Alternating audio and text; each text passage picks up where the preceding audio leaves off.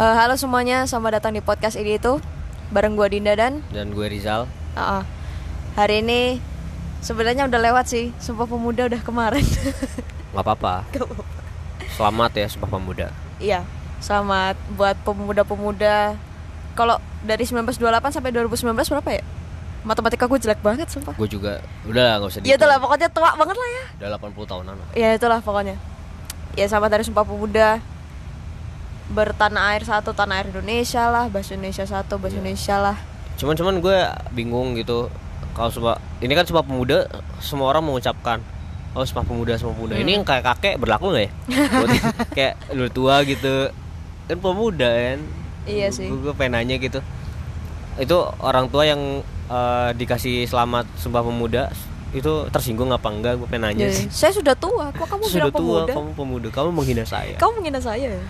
Kamu Gila kamu. pemuda durhaka. Iya. ya, itulah. ya tapi maksudnya semangat pemuda gitu ya harusnya Iya. masih ada kan ada orang yang tua tapi semangatnya masih semangat pemuda ada orang yang muda tapi ya udah kayak kayak kakek gitu doyanya cuma rebahan doang Kayak- cuman kayak di gue. rumah, kayak gue gue tuh nggak bukan pemuda gue jiwa-jiwanya udah jiwa, Jiwa-jiwa. kakek anjir sering pelupa Mak-mak. udah sering jadi pelupa gitu Iya. apa apa lupa Kayak- udah anjir bener-bener nggak tahu nih kayak nggak ada kegiatan Bawaannya males gitu. Iya, padahal kan pemuda pada saat itu kan berkumpul kan berserikat, ngobrol, diskusi ya kan. Sekarang kan ya jarang ya diskusi di dunia maya di Twitter ngegibahin orang gitu. Hmm. Apalagi sekarang lagi rame kan Aukarin dan kawan-kawannya. Eh ya itu itu kenapa sih kok gue nggak tahu ya? Gua nggak tahu lah. Pokoknya gue taunya gue tahu dua-duanya orangnya. Yang satu tuh ilustrator Teh Nadia, Hmm. dia orang Bandung. Eh, pernah diambil gambarnya sama Oke, terus? Karin tanpa kredit. Ya gitu-gitulah pokoknya. Gue juga Oh. malas ngurusin drama-drama kayak gitu. Anyway, eh, itu ya tadi. Jadi eh Sumpah Pemuda tuh kemarin dan sebenarnya kemarin juga niatnya tuh mau rekaman tapi banyak urusan juga. Iya. Jadi bisanya hapus Hari ini, satu hari hapus ini. satu hari ini. Sekalian mau ngomongin tentang eh, kabinet Jokowi Indonesia yang Maju terbaru. jilid 2. Iya, Indonesia Maju. Sebenarnya gini, eh, apa ya? Kan kita udah lama nih nggak upload nih seminggu lah, seminggu dua minggu. Terakhir gue upload pas lu ke Jakarta. Iya, gua ke Jakarta. Jadi guys, gua selama seminggu nggak ada di Malang. Makanya agak susah gitu. Iya. Nah, sebenarnya Dinda juga udah udah recording eh, episode baru buat hari kemarin-kemarin, tapi kok nggak diupload upload ternyata hilang. gue hapus Ah, emang dihapus eksplisit karena terlalu frontal ya. terlalu frontal. Ya nanti lo semua terganggu ya sama Nah. Iya. kosakata kosakata yang mungkin kalian baru dengar ya. gua nggak tahu karena gua nggak tahu ya kenapa orang-orang tuh suka mentabut-tabukan hal yang sebenarnya nggak tabu gitu ya biasa Iya. aja. Lu udah 17 I- ke tahun atas 18 semua lah ya. tahun. tapi lu masih mempermasalahkan apa ya kayak cuma nyebut kelamin cowok kelamin cewek misalnya atau atau nyebut anjing gitu goblok gitu emang apa salahnya gitu itu kan ekspresi ya Iya sebenarnya sih nggak masalah sih. Cuma nggak semua orang kayak Iya, kita, nggak semua orang- Zal. nggak semua Nggak orang, kayak semua kita. orang tuh kayak Makanya- kita. makanya gue pertanyakan kenapa gitu kenapa orang Indonesia tuh sok moralis menurut gue karena ya lu nggak ngomong kasar tapi lu tetap melakukan hal-hal bodoh lainnya gitu Iya sih. mending mana lu lu uh, ngomong kasar gitu ya lu lu toksik ya secara secara kata-kata gitu ya. lu lu kalau eks- kalau berekspresi tuh toksik gitu tapi daripada misalnya lu melakukan hal-hal bodoh gitu kayak Atta Iya. Halilintar misalnya Iya. Enggak Eh, eh, ya? eh, eh. no offense Kok no sebut offense. merek? ya maksud gua lu coba lihat lu konten-kontennya Iya, iya. dia lu mending lihat Iya. kontennya dia apa apa Reza Arab gitu atau lu nonton oh, kontennya Vengeance lu milih yang mana Ini kalau gue sih mending yang toxic aja sekalian soalnya sebenarnya gak berpengaruh sih kalau gue ya Hmm. tapi kalau ngelihat konten-konten bodoh tuh lu kayak anjingnya apa sih gitu Ya karena emang selera pasar kita selera Iya. pasar gledek iya gimana? jadi lebih baik melakukan hal bodoh atau lu toxic gitu iya mending gue Walaupun sih dua-duanya nggak perlu dipilih sebenarnya tapi kalau lu harus memilih lu harus milih mana gitu kalau sih nggak apa-apa ya gue sih toxic sih. Iya, nggak apa-apa toxic Sekalian anjing nggak usah setengah-setengah. Iya, orang tuh dosa-dosa aja sekalian Iya, gitu. Anjir.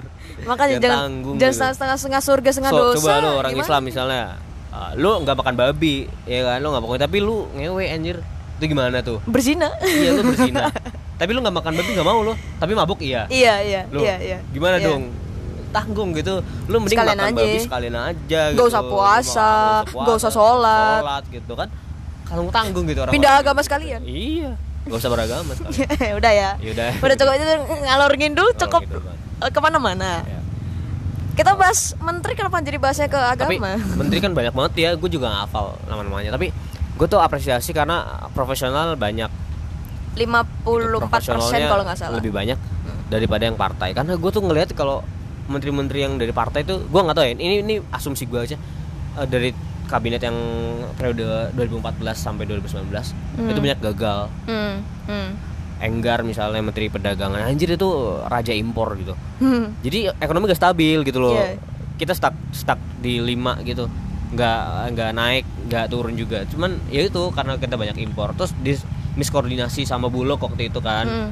beras masih ada untuk untuk eh, sekian bulan lagi tapi udah impor lagi dari Thailand atau dari Vietnam Iya. itu menurut gua kayak apa kok bisa kayak gitu terjadi gitu Hmm. gua nggak tahu mungkin ya kalau kalau misalnya labelnya partai ya dia punya kepentingan gitu entah Ya, pastilah. kepentingan partainya atau kepentingan pribadinya dia untuk mengembalikan modal-modalnya dia menuju kabinet itu gua nggak tahu nah makanya gue lebih percaya ke profesional karena Hmm. profesional selain ya kebanyakan orang-orang yang dia ahli di bidangnya dan eh, apa ya istilahnya dia punya duit juga kayak Erick Thohir misalnya dia Hmm. dia kepentingan apa lagi gitu Iya Maksud sih. gua, ya mungkin gua nggak tahu ya ada kepentingan sebelum apa enggak tapi dalam kinerjanya itu miserable banget nih nih orang jago di ekonomi itu miserable dia dia bakal kalau misalnya mau diramal gitu ya Hmm. kata eh, pro, kata dokter eh, Rizal Ramli Hmm. sebenarnya kabinet ini tuh udah udah lumayan aman tapi banyak orang-orang yang kayak Luhut bisa Panjaitan misalnya jadi Menko Iya. kemaritiman tapi lo tau nggak dia tuh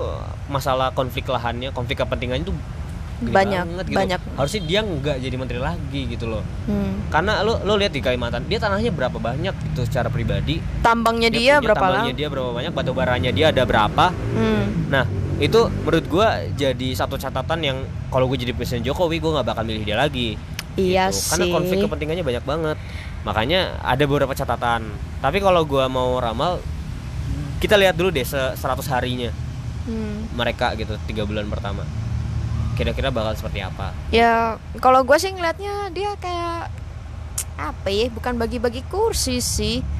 Kalau dibandingin sama kabinet yang sebelumnya, eh ada beberapa menteri yang gue bukan menyesal sih, kayak sedih aja gitu, kayak Bu Susi Ya, udah nggak di Karena perikanan lagi. itu sebenarnya Bu Susi aja yang pengen berhenti kalau menurut gue. Iya sih, dia udah mau Nah. keluar dari kapan tahu. Tapi kan kayak apa ya?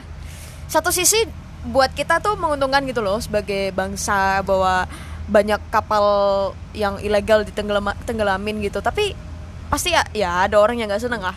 Ya. Gimana gimana pasti ada orang yang dirugikan. Secara grafik bagus banget. Bagus banget sih prestasinya dia, wah bener-bener nggak bisa Ya. dipungkiri lagi. Tapi, gue menarik nih eh, pendapat eh pendapat apa namanya itu pernyataannya Pak Edi Prabowo. Kan dia penggantinya Bu Susi. ya. eh, dia bilang uh, dia tidak akan sembarangan menenggelamkan kapal artinya ada beberapa kebijakan Bu Susi yang dikritik sama beliau hmm, di depan Bu Susi dan artinya eh, Pak Edi Prabowo ini walaupun dia orang partai kalau nggak salah dia partai Gerindra ya ya kan dia wak- Iya. waketumnya Dia Gerindra. waktu itu Gerindra tapi gue nggak tahu dia sekarang masih termasuk apa enggak gue nggak tahu kayaknya masih Hmm. Uh, tapi dia juga punya kapasitas untuk itu gitu. Iya sih. Ini ini jadi nggak semua yang dari partai itu jelek ya. Pak Edi Prabowo Nggak gue sih. gue lihat dia punya kapasitas dan uh, pernyataan itu membuktikan kalau dia bakal menjadi seorang menteri yang punya pendirian gitu. Kayak Mm-hmm. Bu Susi menteri KKP sebelumnya mana ada kayak gitu-gitu kan. Iya, iya. Gue juga nggak tahu siapa. Cuman kebijakan-kebijakan itu jauh lebih uh, banyak inovasi. Ah. Nah, gue berharap sih Pak Edi Prabowo dengan pernyataan yang dia bilang nggak semuanya bisa dimain tenggelamkan aja gitu. Iya. Makanya gue menunggu-nunggu nih beliau akan seperti apa gitu. Hmm, menjadi ya. KKP. mungkin ya namanya orang baru ini siapa ini sa saha anjing yang di Prabowo gitu Iya, gantengin Bu iya, Susi iya. gitu kita udah seneng banget Jauh ya Bu Susi itu kan cintanya netizen banget kan Iya, dia orang dia orang laut banget. orang-orang laut banget bener-bener hidupnya di laut tapi kan ya namanya ya, su- ya susah lah kalau m- mau ganti kabinet juga Iya. tapi ada satu orang yang eh, tetap di situ-situ aja Bu Sri Mulyani tetap aja Sudah nih megang duit Luhut, aja Luhut Panjaitan. Luhut Panjaitan tuh tetap Cahyokumolo cuma Cahyo pindah Kumolo doang. cuma pindah doang Apa gantiin Yasona Lawli 23 hari Apaan anjing Yasona Lauli lagi Ya. kan. Yasona Lawli lagi Itu- Dia udah masuk DPR Masuk Keluar lagi lagi. Oh. Menkumham Apa coba Gue nggak tahu deh.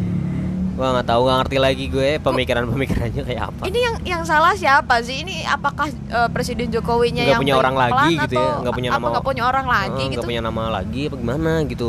Maksudnya dia kan punya banyak nama gitu ya dan menurut Iya gue sih. dia punya hak prerogatif. Ya mungkin mungkin beliau-beliau ini yang masih duduk di kursi menteri ini mungkin masih layak menurut Pak Jokowi mungkin Iya. karena dia punya hak prerogatif.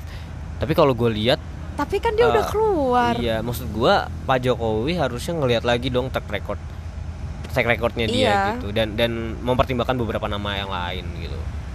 Gue berharap sih ke depan ya nanti presiden berikutnya itu Entah siapa. ya entah siapa profesional tuh bener-bener harus Ah ya ditempatkan- 2024. ditempatkan di tempat yang tepat gitu loh. Jangan jangan ada kayak apa ya posisi-posisi strategis yang ditempati justru oleh eh, orang partai. Misalnya Pak Cahyokumolo di periode pertama dia menjabat sebagai menteri dalam negeri. Dalam- Itu Mendagri. strategis. Iya. Gue lebih setuju Ibu Retno Marsudi ditempatkan di apa namanya itu di Menteri Luar Negeri karena beliau profesional dan gua tahu dia punya kapasitas lebih di situ. Coba Pak Cahyokumolo E EKTP misalnya masalah E EKTP, Hmm, KTP yang berceceran di jalan segala macam itu gak terjawab. gitu. Iya sih. Terus durasi lu menunggu ya kan? Iya, lu iya. menunggu KTP-nya berapa lama? Gue hampir setahun cuy. KTP nunggu anjir, sumpah. Gue kan bikin tuh awal pokoknya gue Februari 2017 itu Hah? gue dibikin. Itu artinya Jadinya? gue kelas 2 SMA. Heeh. Kelas 3 SMA itu baru keluar. Jadi gue tuh selama itu pakai ini surat keterangan dulu Yang kertas gitu. gede itu kan. Iya, Buset. makanya. Jadi ada beberapa masalah yang ya emang Pak Cahyo Kumolo juga dipindahin kan akhirnya. Iya, akhirnya dipindahin juga Ah. sih dia. Nah, eh, udah tapi profesional nih ada yang gua lihat eh, beberapa yang jadi sorotan ya misalnya. Eh, kalau kayak Pak Budi Karya misalnya atau Pak eh, siapa lagi tuh? Menteri PUPR siapa sih namanya? Alah, alah. Beliau lah Eh, Siapa pokoknya. ya? Ah, yang yang Laki, menjab- iya. laki lah pokoknya. itu bagus Pak Budi Karya perhubungan tuh bagus dan eh, ya yang lain lah gitu nah kalau misalnya menurut gue orang parpol yang sesuai kapasitas itu Prabowo sih Prabowo Subianto Pak Prabowo itu pas banget di Menteri Pertahanan karena mau ditaruh di mana lagi gitu gue nggak tahu iya sih. Iya kan? Lo misalnya gini deh. Eh, ini kan disebutnya kabinet rekonsiliasi. Gua nggak tahu ini kabinet rekonsiliasi ya, rekonsiliasi apa? Gue susah banget ngomongnya. Rekonsiliasi atau cuman kabinet transaksi politik aja. Gua nggak tahu sebenarnya kayak apa, ya kan? Karena kalau gue pribadi, gua gua kurang setuju kalau Hmm. Pra- Pak Prabowo itu dengan dalih rekonsiliasi ditempatkan sebagai Menteri Pertahanan, which is Yeah. beliau adalah ketua umum partai. Hmm. Ketua umum partai yang tadinya oposisi, Mm. oposisi jadi lemah dong. Hmm. Jadi negara ini semakin superpower. Gue takutnya ada abuse of power gitu dalam satu kekuasaan ini. Takutnya gue karena oposisinya cuma satu, gi- gimana coba? Iya sih ya. Ya, makanya gue gue Kayak- masih mendukung, gue masih berharap uh, Gerindra tetap jadi oposisi gitu. Tapi ya udah terlanjur makan sepiring berdua kan. Lah oposisi kan nggak cuma Gerindra aja ada PKS, ada PAN, Makanya, ada nah, Demokrat. nah, iya sekarang kan? sekarang itu yang yang udah fix ya di oposisi cuma PKS Iya sih. Demokrat sama PAN tuh masih Demokrat sudah abu-abu. masih abu-abu. Mereka masuk nggak masuk nggak? walaupun mereka udah konferensi pers kan dan tanggal 23 apa 24 kemarin gitu mereka konferensi pers dan lo tau hasilnya apa mereka Apa? bilang kami akan mendukung sepenuhnya Anjay. pemerintahan Pak Jokowi. Berarti cuma Itu kan PKS masih- doang ya? Masih abu-abu gitu. Dia mau ngedukungnya dengan dia jadi oposisi atau justru dia um, apa berharap ada ada, ada jatah menteri Dapet- buat dia gua nggak dapet tahu. kursi. Karena kan suatu saat mungkin terjadi reshuffle, gua nggak tahu kan. Iya. Nah itu makanya Nah Pak Prabowo tuh pas di situ Menteri Pertahanan karena ya gua ngelihat dia tuh orang yang orang yang konsisten sih kalau Pak Prabowo soal pertahanan dan gue pikir dia layak di situ. Dan dia Nah. juga punya track record bagus sih. Ya dia Meskipun- mungkin, ya, mungkin dia disebut bisa disebut profesional sebenarnya. Proporsional kok dia itu Ya, sebenarnya. cuman ya karena dia dulu dipecat ya terus jadi ketum partai jadi dia membawa partai gitu kepentingan partai Iya. di situ ada gitu. ya pastilah. Nah. Gimana gimana kan maupun lu jadi menteri lu bawahannya Jokowi kan tapi pasti lu punya kepentingan sendiri Ya. dong nggak mungkin nggak mungkin sepenuhnya lu akan melebur ke dalam Jokowi dan kepentingan kalian akan menjadi sama Iya. nggak juga gitu Terus next ini ah, Nadiem Makarim. Nah, itu, itu sebenarnya gue bingung dah. Nadiem Makarim menjadi mengdibut itu apa motivasi Pak Jokowi nunjuk dia dah? Kan dia basic, lu baca nggak sih eh educational backgroundnya dia tuh bener-bener bisnis aja. Iya dia bisnis bisnis dan bisnis dan marketing. marketing Apa Just coba? like- Apa kayak- bayar UKT pakai GoPay? gue nggak nggak bisa iya kan banyak meme tuh gue tuh kayak Apa Anda? iya ya ke- kenapa Nadiem Makarim Eh, mungkin mungkin Pak Jokowi punya pembicaraan spesial dengan beliau ya dengan Nadiem Makarim soal pendidikan gue nggak tahu apa mungkin nanti pen- pendidikan akan banyak eh, berbasis teknologi sehingga Nadiem orangnya tepat gitu gue nggak tahu Hmm. gue malah waktu itu pas Nadiem dipanggil gue pikir dia akan ditempatkan di Menpora misalnya itu lebih lebih lebih make sense buat gue Malah karena- gue mikirnya di Menkominfo karena dia Iya, kalau enggak basicnya di, Menkominfo. unicorn tapi ternyata basic. Menkominfo Joni Plate Johnny G iya, Iya, Johnny Plate, Nasdem. kan- Nasdem. gue gue pikir Siapa dah itu? itu Nasdem Eh, maksudnya siapa? Ini dia punya track record apa? Gue nggak tahu ini. dia sering diundang di TV gitu What the hell? Hanya berdasarkan itu? tahu gue dia eh, pengurus pengurus Nasdem Gue baca twitternya aja terakhir 2014 aktif lagi waktu dia jadi menteri. Apa coba? gue nggak tahu Eh, Gua ya baca. tapi maksudnya itu dia menjadi Menkominfo gue nggak tahu kapasitasnya dia seperti Makanya apa. gue juga nggak tahu. Gue ah. Ya, pikir akan Nadiem Makarim. ya wajar dia orang parpol ya gue nggak tahu orang parpol tuh spesifiknya kayak apa gue cuma tahu Prabowo doang kok Tapi percuma tahu kalau lu orang papua tapi lu nggak punya kapasitas di situ buat Iya. apa gitu. Malah Kayak, eh. kebalik tahu. Gue pikir tuh Nadiem Makarim yang Menkominfo karena dia udah bener-bener punya ya dia punya Gojek dia punya udah punya Ah. Gojek. dia paham teknologi udah teknologi banget itu udah kita udah Iya. semua semua pakai gojek maksud gue apa gitu loh apa kapasitas dia gue sih nggak meragukan menteri ya itu ke ah, prerogatif pak jokowi lah ya Iya, tapi gue cuma pengen pertanyaannya tahu itu gitu. kenapa gitu ya kenapa tapi gue nggak tahu ya biasanya emang Pak Jokowi tuh suka out of the box gitu ya dia Misterius sih, dia orang. mikirnya beda gitu sama Iya. dulu pas dipilihnya Bu Susi emang nggak kaget orang-orang ini Iya orang sih. cuma lulusan SMP kok SMP gitu kan tapi kan kita nggak tahu ternyata dia gila-gilaan gitu iya Nah makanya ini gue gue pengen ngeliat dulu Nadiem Makarim tapi kok gue kok pesimis gue nggak tahu ya. loh tapi kan dia eh, sempat bikin eh, apa satu pidato dia bilang gini Dia 100 pokoknya hari- satu hari pertama pengen mendengar Dengerin dari pakar. pakar pendidikan Hmm, Sampai ya gue tunggu aja sih ini satu hari tiga bulan loh lu dengerin banyak tuh pasti sampai aliansi PTS bilang Nadiem Makarim jangan dengarkan PTN aja katanya. PTS juga PTS punya juga, suara iya. katanya. Iya iya iya. Tapi maksud gue Eh, tapi menristek menristek diri siapa sih? gue nggak tahu. Ada anjing namanya. Kan dia mendibut apa urusannya? Enggak, maksudnya pakar pakar pendidikan. Dia pengen mendengarkan pakar Iya. pendidikan. Tapi kan itu jadi masuknya di Menristek Dikti. Iya, tapi maksudnya poinnya adalah dia pengen membahas mendiskusikan soal ke depan Indonesia tuh seperti apa Oh, dengan para guru iya, besar iya, gitu, iya, dengan iya, para iya. pakar Po- pendidikan ya, bukan yang kayak eh, se- serampangan gitu, semua ahli enggak, tapi kayak ahli pendidikan. Kan banyak Hmm, tuh univ iya, univ iya. univ pendidikan di Indonesia misalnya kayak UPI kayak segala macam. Mereka kan lebih paham sebenarnya. Hmm. Nah, gitu. Maksudnya permasalahan di Indonesia tuh apa sih pendidikan? Menurut gua sih eh, Nadim akhirnya bukan jadi profesional di situ. Ngerti gak sih maksudnya? Iya, iya, Kan iya. dia bukan Karena bidangnya di situ. bukan bidangnya di situ. Iya, malah bukan, profesional, profesional. ya entah dari mana gitu. Profesional tapi di bidang yang berbeda. Profesional tapi bidang yang lain, lintas Iya. bidang. Lintas bidang. Tapi kalau pikir-pikir mungkin Nadiem Makarim ini punya gagasan hebat gitu sehingga Pak Jokowi pengen milih dia. Hmm. Nah, soal pendidikan, mungkin mungkin dia merasa prihatin dari dulu ngelihat pendidikan di Indonesia. Hmm. Karena gue yakin dia mampu, walaupun gue agak pesimis sebenarnya. Gue takutnya dia di reshuffle aja gitu. Kayak Hmm. ya anjir akhirnya ya menteri pendidikan tuh yang tua-tua lagi gitu. Aduh. Tapi udah cukup kemajuan nggak sih Pak Jokowi milih kabinet eh, menteri-menteri yang muda gitu, nggak yang tua-tua semua gitu. Ya bagus bagus. Bagus lah. Menurut gua milenial masuk sih. bagus banget ya tapi ya itu tadi gue masih belum bisa menerka ini ini ujungnya bakal kayak apa kabinet ini gitu Hmm. Eh, kok kelihatannya kayak mantep banget Pak Jokowi gitu kayak Iya. man- mantep lebih mantep dari 2014 se, se- se- apa ya gue ngelihatnya gitu nah makanya eh, jangan-jangan Pak Jokowi punya rencana tersendiri gitu kan dia udah gak ada beban kan dia bilang Iya. ini periode terakhir saya dan saya tidak ada beban nah Iya. makanya Tidak ada visi misi menteri, ada visi visi presiden. memang gitu kan harusnya Iya kan sih, menteri harusnya tuh sih nggak boleh beda nggak nah, boleh, gue iya. gue khawatir Prabowo tuh beda Makanya dia dia punya visi misi Kita kayak sendiri musuh, jangan-jangan musuh dalam selimut tau gak sih? iya Eh, ini gue baru aja buka list-list menteri kabinetnya full. Kalau lu mau bahas satu-satu boleh lah ya.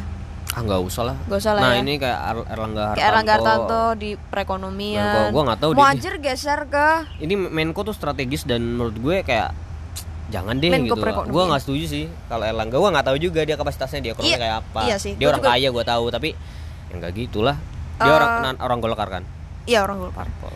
Menko Pembangunan Manusia Kebudayaan Muhajir geser dari Mendikbud ya. ya Menurut lo apakah Muhajir sukses sebagai Mendikbud pada kabinet lalu? ah, biasa aja Biasa aja sih ya. Maksud gua nggak- ya udah gitu ya udah gitu maksudnya ya, ya gimana gitu udah jadi masih dalam grafik yang ya stagnan lah nggak nggak maju banget nggak mengalami kemunduran juga Hmm. Luhut tadi udah dibahas terus Luhut tuh menteri ditambah ditambah Mendagrinya jener anu dong, Tito dong. Iya ya gue tahu itu Mantap. Retno Mar- nah, ma- nah gue setuju nih Bu Retno masih Bu Retno masih di dipertahankan gitu Menlu ya. kan? Heeh. cuman Men- menteri agama menteri agama tuh jadi Fahru Razi. polemik gitu ya Dia jadi anu militer Tapi- baru pertama kali ya. Tapi ngomong-ngomong ini uh, Jenderal Farul Razi itu disebut Jenderal Hijau. Jenderal yang religius dan dia paham persoalan agama. Dia dari Aceh. Iya ya. Uh, dan Eh, pernyataan NU mau dia? bukan. Kayak kalau nggak salah bukan deh. Kan Nggak dia sempat diprotes juga kan kayak kenapa nggak ulama NU katanya. Iya. Oh, kan iya, biasanya iya. menek tuh NU semua ya kan. Iya. Nggak pernah yang lain. Nah, makanya gue gue Berarti menarik. dia bukan Karena di rezimnya Soeharto itu jenderal loh yang jadi menteri loh kebanyakan. Iya. Menteri agamanya tuh ada dua dua menteri agama, dua kal- dua periode. Menteri agama tuh jenderal. Hah. sebelum akhirnya tahun 97 itu Pak Quraish Shihab, Pak Ustadz Qure- Habib Oh Quraish iya Shihab. iya iya. Nah, itu sebelum-sebelumnya tuh jenderal juga. Nah, tapi Wow. di sini ada misi khusus buat Jenderal Farrozi yaitu me- apa ya? memberantas radikalisme dalam agama Iya karena iya. itu penting menurut gue dan pernyataan dia sangat menarik bahwa agama itu yang rahmatan lil alamin itu bukan cuma Islam doang semua agama Semua itu agama rahmatan kali ya. lil alamin karena semua mengajarkan kebaikan itu menarik sih artinya dia bukan dia kan bilang saya menteri agama RI bukan menteri agama Islam itu menarik berarti dia udah punya standing position yang benar kalau menteri agama tuh bukan cuma ngurusin satu agama doang Iya. malah ke depan gue pengen ada reformasi dalam Kementerian Agama lo tau kan kemarin sempat ada isu uh, jual beli jabatan dan udah berlangsung lama Hmm, gitu ya di depak gitu Departemen Agama yang which is itu semua Islam gitu Iya iya. um, gue Ya pengen gue ada- merasa yang kabinet lalu sih ngurusin Islam doang sih. Ya, makanya reformasi uh, Kementerian Agama tuh perlu uh, dan ya semuanya harus terakomodasi dengan baik karena menurut gue Islam tuh terlalu diurusin gitu Maksudnya Iya. terlalu diurusin tuh banyak banget Banyak gitu banget. kayak departemen agama dan Ya, gue sedangkan- tahu sih sebagai mayoritas Iya. sih, Dan- tapi dan, gue tahu semua agama juga diurusin sama menak gue tahu kayak misalnya penerbitan uh, Injil izin gereja segala macam gue tahu semuanya juga diurusin cuma nggak kelihatan kinerja di yang lain gitu makanya Iya. gue pengen lihat ini pernikahan orang kantor urusan agama nih ngurusin apa aja sih gue gue juga nggak tahu sih ini ini mungkin gue sebagai orang awam ngelihatnya kok kema- kayaknya kok terlalu hegemoni banget hege- hegemonik banget Islam dalam men- Kementerian Agama itu Mm. gitu hijau lambangnya juga kan Iya, Gue iya. pengen diganti semuanya ya citranya tuh bukan cuma Islam orang-orang tuh kan ngeliat menteri agama pasti Islam. Islam lo tahu kan PNS-PNS di Kementerian Agama semua Islam Islam, nggak ada oh iya yang yang dibawa depak sekolah-sekolah apa Islam, Islam. MI, MTS eh mana ada Mana ada BBK kayak- penabur dibawahin Iya iya nggak ada, kan? nggak ada. coba kan makanya itu jadi masalah menurut gue Hmm. sekolah-sekolah Hin- Katolik sekolah-sekolah Buddha mana ada dibawahin Nggak harusnya di, ada. diakomodasi juga diakomodir juga Hmm. Terus Menteri Kesehatan Dr. Terawan yang katanya kena itu nggak sih? Eh, melanggar kode etik ke, dok- ke dokter. Iya, tapi tapi, Kedokteran. tapi dia cukup bagus menurut gue. Dia profesional. Gue gue sih no comment ya. Gue juga nggak tahu masalahnya se sepelik apa dulu. Ya karena dia melanggar kode etik dan etika dalam praktek sih. Dia malah praktek bukan sih. Iya jatuhnya dia malpraktek karena cuci otak apalah itu. Tapi gue tertarik ngebahas justru materi keuangan. Kenapa Sri Mulyani? Ya, Udah dari zaman SBY. udah dari zaman Sri SBY Mulyani tahu. mulu. Yang dia sempat kena kasus akhirnya dia pergi ke World Bank. Iya, dia kan dia kan katanya agennya anak kesayangannya Agen- World Bank Kan karena World Bank.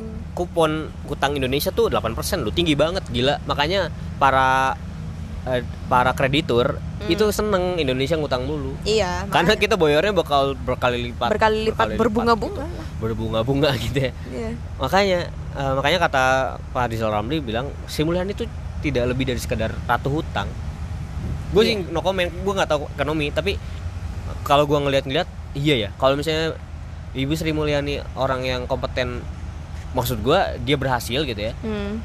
catatannya tentu akan lebih baik dong Iya sih. tapi ya biasa aja gitu ngerti gak sih Indonesia malah lo rupiah aja kemarin sempet wah gila-gilaan Sempet kan. naik Baik, maksud banyak gua, kali. mungkin ada orang lain yang perlu dikasih kesempatan di situ. Misalnya Pak Iya. Faisal Basri, itu gue lebih setuju Iya dia sih. dar- daripada Pak Ibu Faisal Sri Basri, Mulyani. hah. Ibu Sri Mulyani udah istirahat dulu deh gitu. Gue nggak bilang dia jelek, gue bilang dia belum berhasil. Coba Pak Fa- Pak Faisal Basri gitu kan di guru besar UI kan maksud gue dia akademisi gitu dan dan dia ekonom, dia bisa meramal masa depan gitu. Iya. Atau justru Pak Rizal Ramli misalnya silakan gitu. Makanya dulu pertanyaan besar kenapa Rizal Ramli dulu di reshuffle oleh Jokowi jadi Menko Maritim. Kenapa gitu? Permasalahan di situ. Iya juga ya apa cuma karena kepentingan karena dulu kan katanya dikuasai oligarki kan. Jokowi itu dikuasai oleh oligarki. Hmm. Invisible hand gitu. Hmm, Entah iya, iya. siapa gitu. Jokowi itu cuman kepanjang tanganan aja gitu. Gua nggak tahu, tapi ketika gua ngelihat kok ini menteri keuangan gak bosen ya Bu Sri Mulyani terus apa emang Dari nggak zaman ada SBY? lagi atau Iya, siapa gue pikir banyak ekonomi-ekonomi yang lebih kompeten karena ini strategis sekali lagi strategis ya Jokowi mungkin bingung juga ini siapa lagi gitu ya Mm-mm. karena ini strategis banget jangan sampai salah orang sih Ya ya kita lihat dulu lah sekarang Bu Sri Mulyani kayak apa At- apakah dia akan melanjutkan eh, eh, program-program kerja yang mungkin belum sempat dia kerjain selama lima tahun Ya, kemarin mungkin dia cuman belum selesai aja belum kali. selesai aja kali jangan positif eh, jangan negatif thinking nih Menteri PR PUPR, Pak tuh Iya. Basuki yang Basuki gua bilang Pak Basuki tadi. lagi gue Itu seneng sih bagus sama dia banget. tuh Apalagi dia bilang ya? e, rumah saya nggak apa-apa digusur katanya. Eh, itu itu bener-bener gue aduh anjing, gitu banget ya sama menteri anjing Budi Karya bagus, Joni Plate gue jadi Iya. nggak tahu Plate karena dia Iya. gue nggak tahu beneran dah siapa anjing maksudnya apa kontribusi dia di media sosial tuh apa gitu Gua- Menteri Pertanian Syahrul Yassin Limpo, gue ngeliat sih dia orangnya akuntabel ya, dia bisa ter dipertanggungjawabkan kinerja kinerjanya. Menurut gue dia bagus, Hmm. dia bagus Yassin Limpo. Situ Nurbaya gue nggak tahu, Siti Nurbaya, kayak di Prabowo LH. udah, di- udah dibahas. Edi Prabowo udah tadi ya, Abdul Hida. Udah sih. Agraria, Se- Tata. Selebihnya karena menteri-menteri operasional ya Cahyo Kumolo tadi udah BUMN. Gus Utama sih. Oh iya, Wisnu Tama. Ekonomi kreatif. Buh, Malah the best. gue menakutkan kan di di eh, ekonomi kreatif dan pariwisata ya Hmm. eh, main parekraf itu apalagi wakilnya anaknya Haritanu ya Itu bener-bener brandingnya bagus banget sih. iya anjir nanti Jadi saham MNC naik langsung. Iya. Bener. net net TV Net TV dan MNC naik. nah oh ya walaupun dia juga udah nggak jadi CEO net TV ya, Ya, tapi kan- Karena udah jadi menteri tapi kan setidaknya Lengket dong Lengket. namanya. nah jangan-jangan penghasilannya masih ini iya. Ya gimana-gimana dia yang anu lah yang tapi gue nggak suka sama Wisnu Tama gue sukanya sama Gista Putri Ya iyalah dia Lu cantik istrinya, anjing. anjing. tapi Wisnu Tama tuh bagus serius cuman gua nggak tahu nih kenapa ditempatkan di eh, Kementerian Pariwisata mungkin karena di Kementerian Pariwisata tuh salah satu anggaran dana yang terbesarnya tuh ada di promosi promosi tempat gitu ya maksudnya promosi wisata Iya, iya. itu kan wonderful Indonesia segala macam itu kan paling gede nah jangan sampai eh, kalau gue sih ngelihatnya jangan sampai anggaran dana tuh habis di situ Hmm. dipromosi tanpa ada eh, disisakan untuk apa eh, bidang ekonomi kreatifnya Hmm. karena itu yang justru penting buat gue dua-duanya penting tapi tapi jangan sampai si promosi ini terlalu gede gitu ya Eh, branding itu terlalu gede di wisata aja gitu sedangkan ekonomi kreatif kayak Nggak masuk. iya startup segala macam itu menurut gue perlu dikembangkan sih itu Indonesia tuh wisata tuh jangan ditanya orang juga udah tahu Indonesia wisatanya bagus ini loh Hmm. ekonomi kreatif gitu Itu- PewDiePie aja liburannya ke Bali. Iya. udah mendunia lah. Udah Tapi mendunia. Soal ekonomi kreatif siapa yang tahu Indonesia soal itu? Nggak ada. Hmm. Cuma ya lu lihat Gojek segala macam itu kalau misalnya diberi keleluasan lebih eh, ini lagi yang nggak nggak nggak apa ya nggak diperketat dengan birokrasi birokrasi yang ya lu tau lah birokrasi kaku banget. Sedangkan ekonomi itu Iya. Dan bulat. ekonomi itu nggak bisa kalau terus-terusan diintervensi oleh birokrasi yang sedi- setidaknya dikasih kebebasan dikit tetap ada regulasi ngatur gitu Iya. itu Gojek, Grab segala macam. Anjir itu Tokopedia, Bukalapak apalagi kan. Jadi banyak yang sudah memulai ekonomi kreatif. Tapi ekonomi kreatif bukan cuma startup doang, banyak kok gitu ya banyak kok misalnya ini ini ada hubungannya sama mungkin nanti bisa kerjasama sama menteri UKM koperasi dan UKM Teten Mas Duki gue seta- setahu gue Teten gue nggak tahu kapasitasnya dia di sini apa tapi setahu gue Teten Mas Duki itu dulu aktivis Hmm. dia juga dulu di Indonesia Corruption Watch setahu gue Oh, iya, cewek. Hmm. Jadi dia dia punya kapabilitas lah dia juga kalau nggak salah kemarin tuh sempet di KSP ya dia di Hmm. kantor staf kepresidenan kalau nggak salah gue nggak tahu gue lupa tapi eh, dia dia orang yang gue tau dia aktivis anti Hmm. korupsi Hmm. nah mungkin mungkin dia punya kemampuan lain gitu ya untuk mengembangkan koperasi dan UKM nah nanti kerjasama dengan ekonomi kreatif itu karena apa ya eh, usaha masyarakat itu kalau dikembangkan dan dipadukan dengan ekonomi kreatif tuh menurut gua keren sih jadi banyak banyak apa ya pasar Indonesia jadi luas gitu kita Iya. kan udah masuk ke masyarakat ekonomi ASEAN jangan sampai kita kalah gitu itu sih kalau gua ngelihatnya menteri-menteri itu harus saling berkolaborasi gitu Harusnya sih. Hmm, Menristek Bambang Brojonegoro. Bambang Brojonegoro? gua nggak tahu Gue nggak, gue pernah denger namanya Ya, Pak tapi Bambang tuh kalau nggak salah dia dia dia profesional gua tapi nggak tahu tapi siapa gue sempet sering denger sih akhir-akhir ini nggak sih nggak sebelum dia ditunjuk jadi menteri itu gue sempet denger Bambang Brojonegoro tapi entah apa eh, eh, apa ya, kapasitas dia sebagai menristek gitu. ya ya apa kenapa dia kenapa gitu ya gua nggak tahu gue sih. juga nggak tahu sih ya kepala staf kepresidenan Muldoko as always Sekap Pramono Anung Ya, itulah ya. itu orang-orang Jokowi lah ini orang-orang Jokowi lah ya cuman gak ada Wiranto doang udah iya kemana Pak Wiranto sekarang ya beliau emang udah gagal sih buat gue beneran gagal loh dia jadi Kamen- Menko Polhukam loh gagal loh sumpah untuk ada Mahfud MD lah ya menggantikan ya beliau tuh udah the best lah udah paling pas malah sih. gue pikir dia akan jadi Menkumham Mahfud enggak MD malah gue setujunya Pak Mahfud tuh di Menko Polhukam. koordinator jadi menteri koordinator karena Iya sih. kalau jadi menteri operasional dia terlalu pinter terlalu cerdas sih iya bener dia emang udah sudah di Menko Menko Iya tuh harus yang pinter-pinter gitu iya sih makanya gue bilang tadi kenapa air Hartanto ya Menko perekonomian ya Kayak, ya nggak tahu lah ya gue juga nggak tahu kapasitas Iya. dia sih sebenarnya kenapa nggak siapa kayak gitu maksud gue kenapa Erlangga Hartanto ya itu cuman sekedar transaksi politik lah bagi-bagi sih bagi-bagi Iya. kursi sih ujung-ujungnya juga eh, reshuffle reshuffle gue malah yakin nanti gue nggak tahu kenapa gue gue malah yakin Nadiem Makarim di reshuffle bakal dari reshuffle gue nggak tahu ya siapa tapi gue makin nak pasti ada lah kayaknya ada di reshuffle Ya, pasti ada lah iya. ini kan baru dilantik juga wamen juga baru Iya. dilantik sabarlah kita harus nah isu-isu ham tuh kan ah kayak ya itu kan ini banget ya harusnya itu tuh yang dilihat karena pidatonya Jokowi itu nggak nyebut nggak nyindir soal nggak ham nggak sama menyinggung sama sekali dan nggak nggak nggak menyinggung soal ham kebebasan dia bahasanya ekonomi ekonomi ekonomi Iya. infrastruktur infrastruktur it's okay tapi itu Kayak- kayak- bukan intinya gitu kayak maksudnya zaman Pak Harto ya ekonomi tuh menurut gue nggak harus diomongin emang itu tugas elu gitu maksud gue ini yang lagi isu, isu yang lagi gede gitu ya ham kenapa nggak dibahas jadi orang tuh nggak percaya lagi sama dia Hmm. mungkin karena ya dulu gue ini periode terakhir kok gitu mungkin gue ngelihatnya mungkin Jokowi udah nggak ada beban dan ah, ya udahlah gitu gue nggak bakal dipilih lagi kok kayak gitu sih gue nggak tahu cuman iya sih Eh, tapi memang semua hal tentu nggak harus diomongin di pidato ya.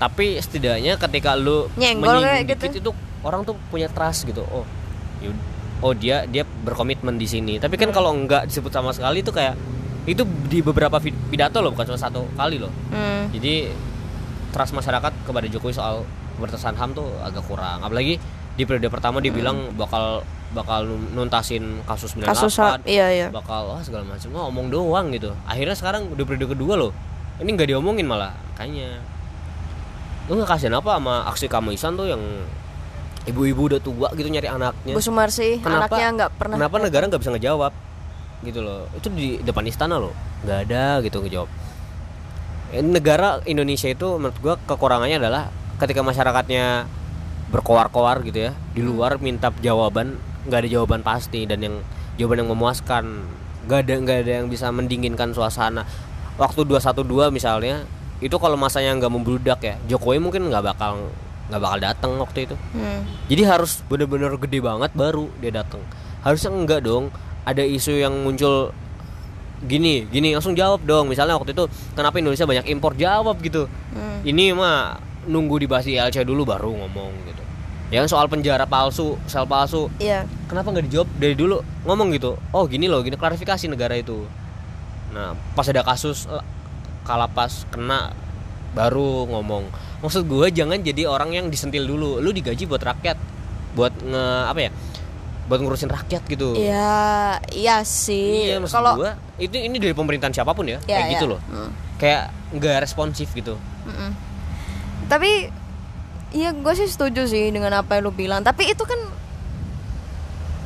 apa ya jatuhnya kayak naif gitu Mer- mer- menurut gue ya menurut gue lah ya emang itu kewajiban negara sih suara motor itu emang kewajiban negara untuk ngurusin hal-hal yang eh, kalau kata lu tadi bahkan presiden pun yang gaji rakyat dia dipilih karena rakyat milih dia ya kan ya tapi gue malah jadi ingat kata-kata dosen kita tadi Bu Jui bahwa ketika ke- kita udah milih dia ya kita nggak bisa mengontrol semua perilaku dia ketika sudah kepilih iya kayak kita harus terima aja konsekuensinya bahwa dia akan ingkar atau dia akan benar-benar eh, menaati semua janjinya gitu ya mau Iya. nggak mau gitu tapi lu sebagai rakyat masa mau digituin ya kan maksud gua ini kan negara demokrasi ya iya jadi lu berhak lah lu berhak lu nggak harus tapi lu berhak ngerti gak sih maksud gua? oke oke lu nggak harus tapi lu berhak lo lu lu boleh dong nanyain eh, apa janji-janjinya dia dong lu kan rakyat lu kan punya suara lu iya punya power gitu dan Iya. lu dilindungi konstitusi nih gitu Heeh. konstitusi sama presiden gede konstitusi gitu maksud gua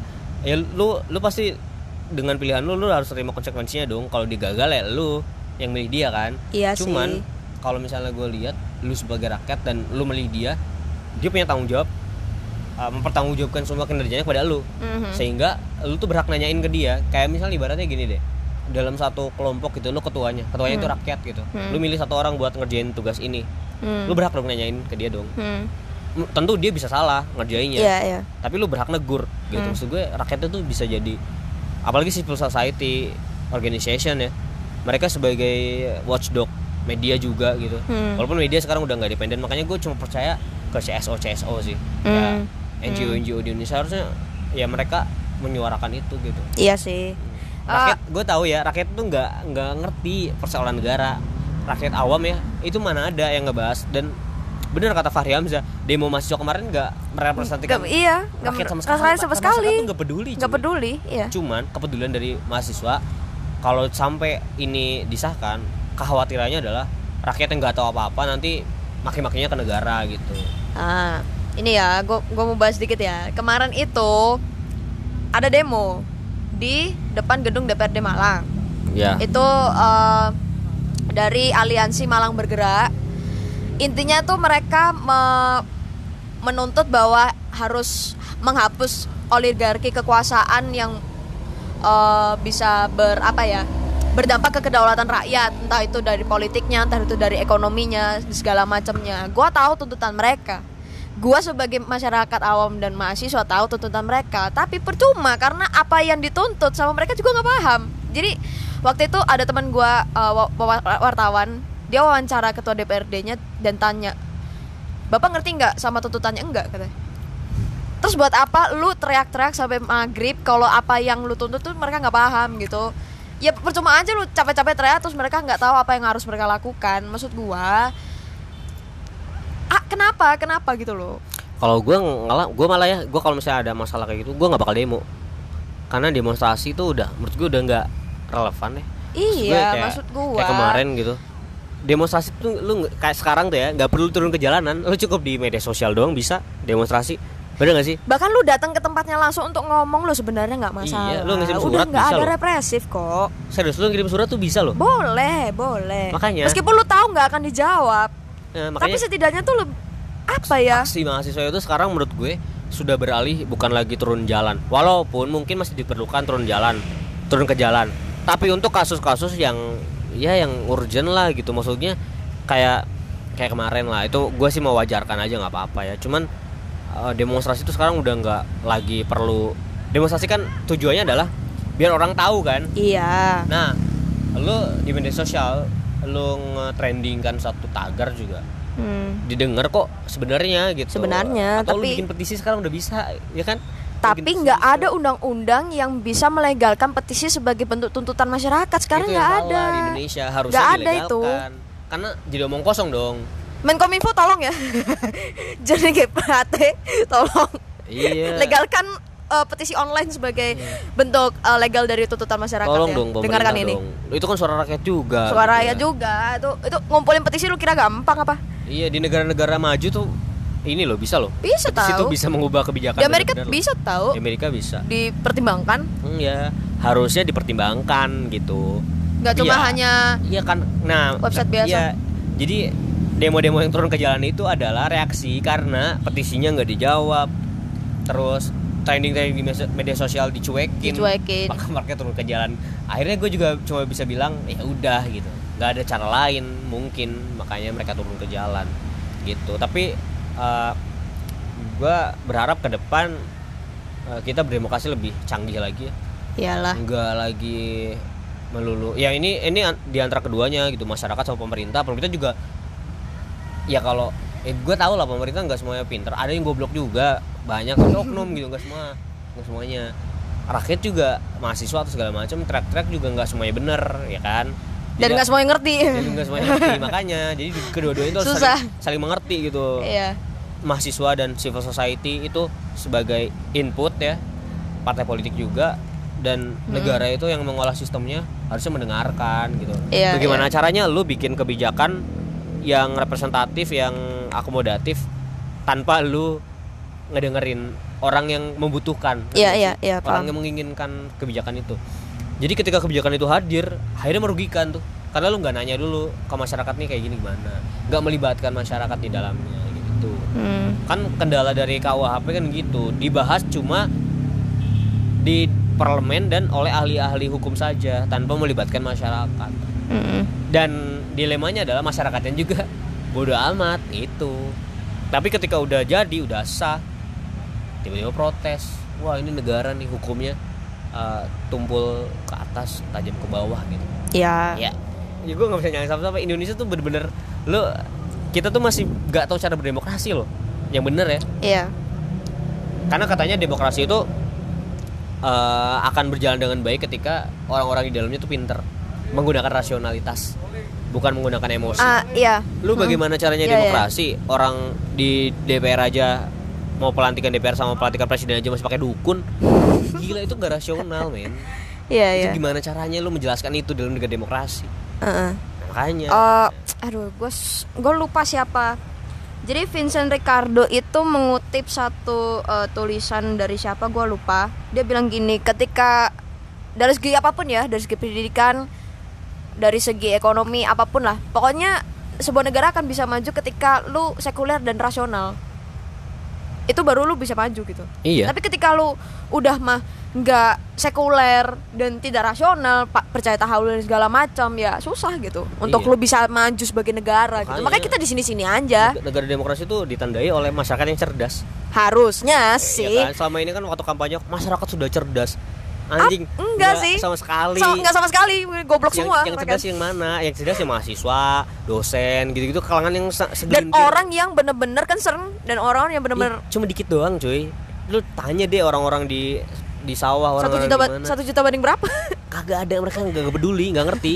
Makanya Indonesia tuh masih sangat parokial ya beberapa daerah komunal gitu masih parokial sekali budaya Bahkan politiknya. gue kira perkotaan masih parokial sih. Iya, gua gak tau ya. Karena per- di perkataan pun orang yang yang cuma jadi budak korporat gitu, cuma kerja Lebih seneng doang. kerja karena nggak penting katanya. Dia nggak ngurusin, Nggak ngurusin. tapi tapi akses akses terhadap informasinya ada. gitu. Ada, tapi kan Dan tetap ketika mereka nggak peduli. lihat, ah, ya udah gitu. Apaan Ayo, sih gitu? Gak ngaruh kok ke gue gitu. Iya makanya gue tetap kerja, tetap cari duit sendiri. Negara nggak biarin gue makan ya Iya. Karena itu. negara itu berpengaruh pelan-pelan, nggak bakal langsung. Jadi makanya ketika lo milih siapa, milih siapa, pengaruhnya tuh nggak langsung langsung ke lu gitu. Iya Tapi sih. pelan-pelan gitu. Maksudnya masyarakat tuh nggak ngerti itu, makanya harus di harus dikasih sosialisasi lah oleh negara bahwa negara itu ketika ada sirkulasi kepemimpinan itu bukan berarti langsung mengubah segalanya enggak karena Hmm. butuh proses karena kita ada birokrasi kita ada kita ada mekanisme Hmm. makanya ketika ada presiden yang cuma menjabat lima tahun apalagi ya nggak kerasa apa-apa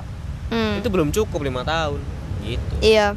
Gue jadi ah kata-kata siapa makanya ya? gue pengen presiden itu satu periodenya 10 tahun dan udah nggak nggak boleh Nggak, calon kalau lagi gue setuju malah tujuh tahun. ya apa tujuh apa atau tujuh tahun atau enam Sepuluh tahun tuh kelamaan, tujuh atau, tahun. atau enam Tujuh tahun enam tahun kayak Duterte misalnya iya kan Enam tahun tujuh tahun itu ada menurut gue ideal sih. iya Untuk lo biar nggak usah kepilih lagi, ya udah selesaiin aja Oh, tujuh tahun dan Tapi- itu iya tapi lu nggak nggak nggak boleh nyalon lagi gitu nggak boleh nyalon lagi tujuh tahun itu harus selesain semua program kerja lo dari awal itu harus lo kerjain dan harus selesain gitu. Heeh. Iya, Gue lebih seneng itu sih. gue menulis setuju gitu daripada lima tahun dua kali buset kayaknya Iya, iya, berantemnya gitu-gitu aja bosan gak sih lu Iya, ketika lu bosen. nonton SBY lawan SBY lagi Jokowi lawan Jokowi lagi ah, Iya. bosan anjing masyarakat tuh butuh edukasi yang lain gue butuh tontonan yang lain anjing iya bosan kayaknya Berantem berita itu orang isinya itu, itu aja. aja.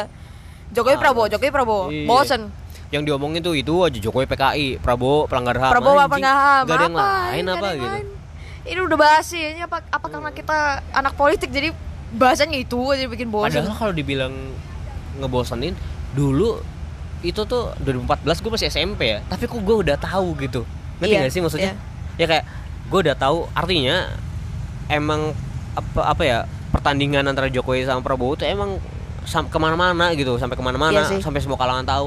Gue aja waktu itu 14 tahun ngerti apa, tapi gue tahu gitu bahwa Jokowi sama Prabowo tuh sangat sengit persaingannya gitu. Hmm. Sampai akhirnya gue bisa mengambil kesimpulan sekarang tuh ya malah jadi bosen akhirnya pas 2019 gitu ya Iya. selain gue juga baca-baca buku atau nonton-nonton video lama ya s- setelah gue udah dewasa ya karena ya kayak misalnya orang tua gue deh orang tua gue tuh sebenarnya agak males ngomongin politik Hmm. tapi katanya sejak 2014 di keluarga tuh sering ngomongin politik mungkin di semua keluarga ya gua nggak tahu Hmm. di keluarga gue tuh gitu jadi jadi malah ngomongin politik sejak 2014 karena katanya pertandingannya sangat menarik dan sengit tapi kok lama-lama bosenin Bosen, gitu. bosen. Karena yang itu-itu dibahas aja. itu itu aja orangnya Itu-itu sih nggak aja. apa-apa ya gue ya orangnya sih nggak apa-apa Eh, Tapi bahasannya yang lain coba kan? deh yang lebih substansial gitu jangan ngebahasnya itu aja coba gue ketika kampanye kemarin gue nggak dengar tuh yang substantif gitu hal-hal yang dibahas kalau nggak ngejelekin lawan ya ya ngumbar janji ya udah iya dia nggak ngomong persoalan ham kayak gimana menyelesaikannya nggak Hmm. ada tuh solusi dari mereka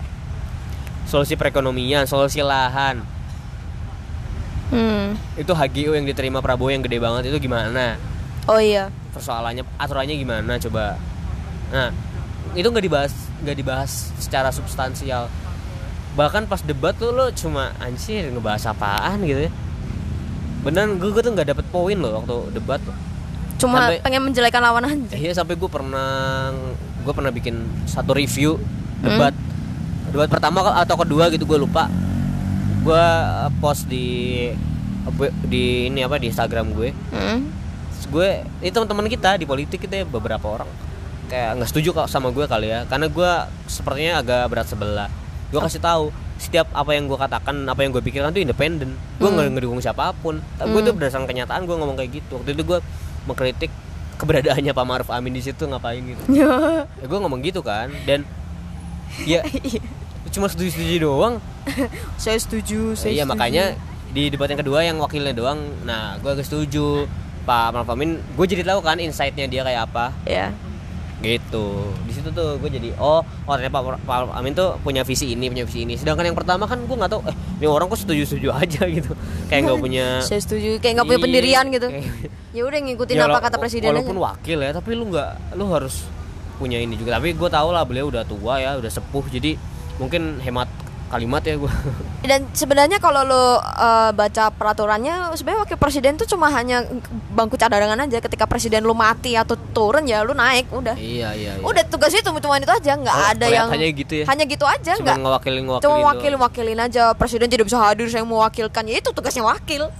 Yo iya. bukan sebagai juga pengambil keputusan tapi diwakili enggak sih ya itu cuma mewakili aja ketika presiden mati ya udah lu naik gitu Ya balik lagi ke menteri ya.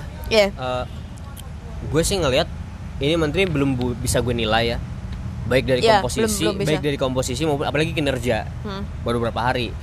Jadi gue nggak bisa nilai. walaupun secara statistik 54% profesional ya Tapi gue kalau mau nilai, ini nilainya masih 60 lah kalau buat gue. secara keseluruhan secara keseluruhan komposisi ya gue ngomongin komposisi gue baru ni- bisa nilai sampai segitu kan gue belum tahu kinerjanya sam- sampai kemana jadi Iya 40 itu kecurigaan gue tuh bagi atau PKUR sini kekhawatiran gue gitu kekhawatiran gue aja tuh 40 jadi 60 itu elastisitasnya sangat fleksibel jadi Hmm. bisa ke 90 mungkin nilainya nanti bisa jadi bobrok jadi 20 karena gue belum lihat kinerjanya kayak apa ya tunggu aja satu hari kan mereka udah mulai bebenah tuh kan udah mulai hiring-hiring lah ya Iya, Udah pada- aspirasi-aspirasi iya.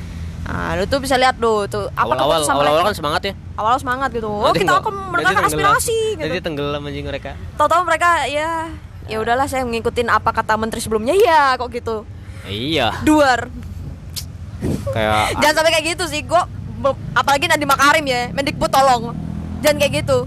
Iya, Mendikbud tuh strategis banget loh. Itu itu apa ya? Dampak bagi kemajuan Indonesia, masa depan Indonesia tuh sangat tinggi di situ, menaruh kepercayaan yang sangat tinggi di situ. Jadi Mm.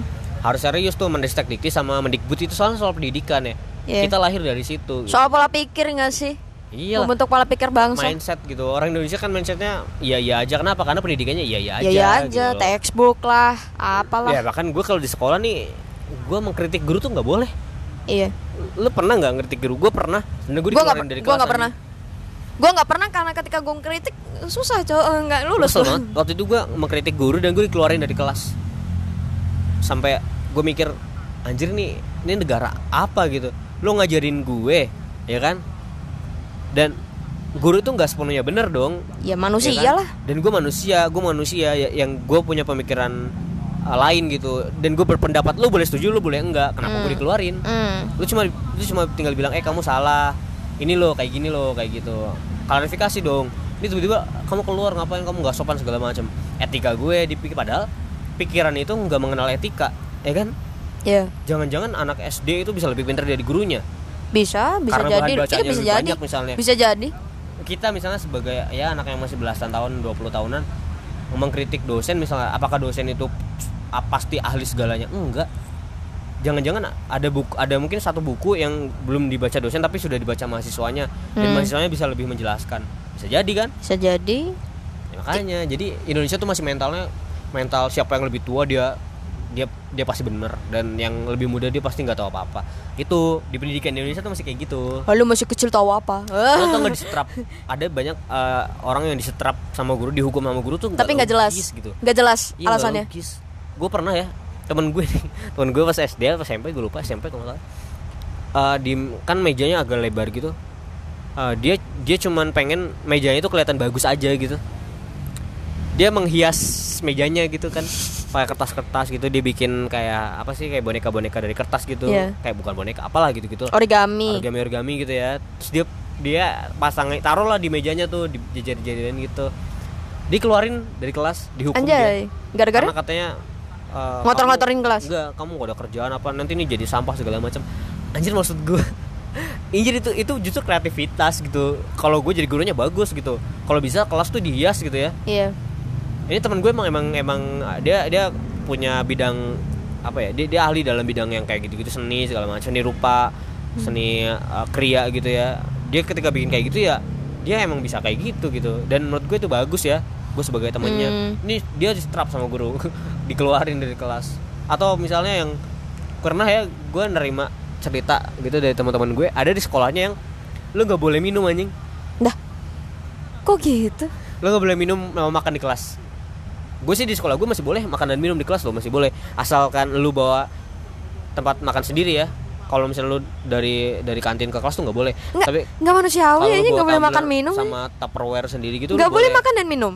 di sekolah temen gue ini nggak boleh makan dan minum ketika puasa pembelajaran gimana ketika lu haus anjing gimana Deh, gitu kan nggak atau boleh. gimana kalau lu misalnya telat makan gitu loh Gimana lu bisa nyerap pem- pelajaran kalau lu dehidrasi dan kelaparan? Iya.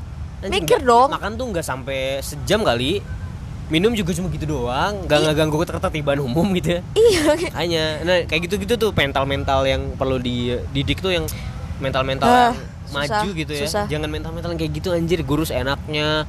Apalagi pungli-pungli di sekolah tuh Iya. hindari tuh kayak Iya. gitu-gitu tuh.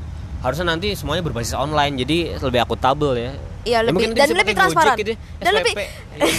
Kebasingan tadi Ya, Gope, lagi. anjing. buset. Eh, bener loh. Pakai gope. Itu lebih tercatat loh, lebih bisa tercatat loh. Lebih transparan gak sih jatuhnya? Iya, historinya tuh kelihatan gitu. Iya, iya. Balikin nggak ada pungli dong. Gak ada pungli. Mm, Ya nggak tapi boleh. mungkin Pak Nadiem bisa ya. iya jadi Suka semua, pakai semua GoPay. bentuk pembayaran ya kan. Ya kan ada sekolah yang udah didanai bos atau dia dia punya atau yang yang negeri ya. Hmm, Dia udah digratiskan kan negeri gratis ada kan ada. sebenarnya kan. Gratis. Ya uang pembangunan tuh cuman ya anjir cuman alibi doang itu cuman alasan doang sebenarnya nggak dibangun nggak ngebangun apa-apa loh. Ini Ya, cuma karena buat buat mereka-mereka Ini aja. kayak sekolah gue SPP-nya tinggi banget sekolah gue dulu SMA dan gitu-gitu aja kok gue nggak menerima fasilitas yang wow gitu kayak ketika lo hitung-hitung misalnya satu bulan katakanlah 300 ribu lah ya Hmm. satu bulan itu gede banget untuk SMA ya dan padahal lo udah gratis buku dikasih kan Iya. segala macam ya, ya 300 ribu lah misalnya satu orang satu bulan Ah. satu angkatan ada 300 orang Ah, berapa tuh ya 900 juta nih sebulan loh Sebulan. satu angkatan Satu angkatan. ada tiga angkatan anjing Iya. banyak banget itu lu ngebangun apa dan lu dan lu tahu nggak yang paling anjing apa? Apa? ketika lu udah bayar duit pembangunan dan lu tidak merasakan pembangunannya saat lu udah lulus Iya, dan lu tau nggak sekolah tuh nggak pernah transparan loh banyak Ya, sekolah yang nggak transparan sekolah gue sekolah gue juga enggak Ya, rapat komite ke orang tua tuh Iya. komite sekolah tuh harusnya dikasih tahu dong pembangunan buat apa Iya, nih, detail-detailnya buat apa berapa rincian nominalnya buat ini segala macam Iya. gitu bilang aja kalau duit buat lu buat lu Iya, aja gitu dan ketika perpisahan sekolah gue masih bayar loh gue tetap bayar loh Heeh. itu uang SPP gue selama tiga tahun itu gimana anjing dipakai apa gitu Makanya. gue perpisahan masih bayar cuy gila pak gue juga anjing gue study tour masih bayar harusnya enggak dong iya harusnya sih gratis sih. anjing gue tuh kayak gue tuh kesel banget kesel gue uang lomba aja masih di gue gue pernah lomba uang gitu ya. lomba lu tahan Ih, nggak ditahan gue dapetnya cuma dikit banget anjing iya itulah gue dapat 4 juta waktu itu Heeh. 4 juta ya gue cuma dapat sudah setengah sisanya apa Eh, buat pembimbing katanya gue nggak merasa pembimbing siapa siapa Lu karena bergerak sendiri gue gue nyari lomba sendiri segala macam yang salah dari gue adalah gue lapor ke sekolah harusnya gue nggak usah lapor anjing goblok ngapain anjing ya karena kalau gue ketahuan juga gue bakal kena juga ini kenapa kamu ikut lomba ilegal segala macam emang susah gitu banyak pungli gitu karena guru gajinya sedikit gue Iya makanya sih. nanti naikin lah gaji guru lah tolong ya tolong Pak Nadim ya sebagai Mendikbud tolong ya ya ini udah segala lima aspek ya, yang menyebabkan pungli tuh aduh tolong jangan deh. tolong tolong ya Mendikbud tolong Pak Nadim ya jangan hiring mulu eh, aspirasi dari siswa-siswa juga ya sudah 56 menit mari kita tutup Iya, Mat. eh, yang- lu belum ngasih nilai gue udah. ah gua 70 lah ya ya meh 65 lah ya gue sih standar-standar aja Ya, boleh lah ya tapi akan gua kasih nilai yang benar-benar sungguh-sungguh ketika udah 100 hari Abis ini kita bakal ngerekam apa ya? Nggak Gua- tahu. Gua ada pembahasan banyak sih gua sebenarnya. ada pembahasan lagi sih Ya udah, dia dilanjut lagi ya ya udah, udahin dulu nih. Ya, terima kasih buat sudah mendengarkan hampir satu jam, mau satu jam. Ya, sampai jumpa di podcast ini tuh selanjutnya. Dadah. Dah.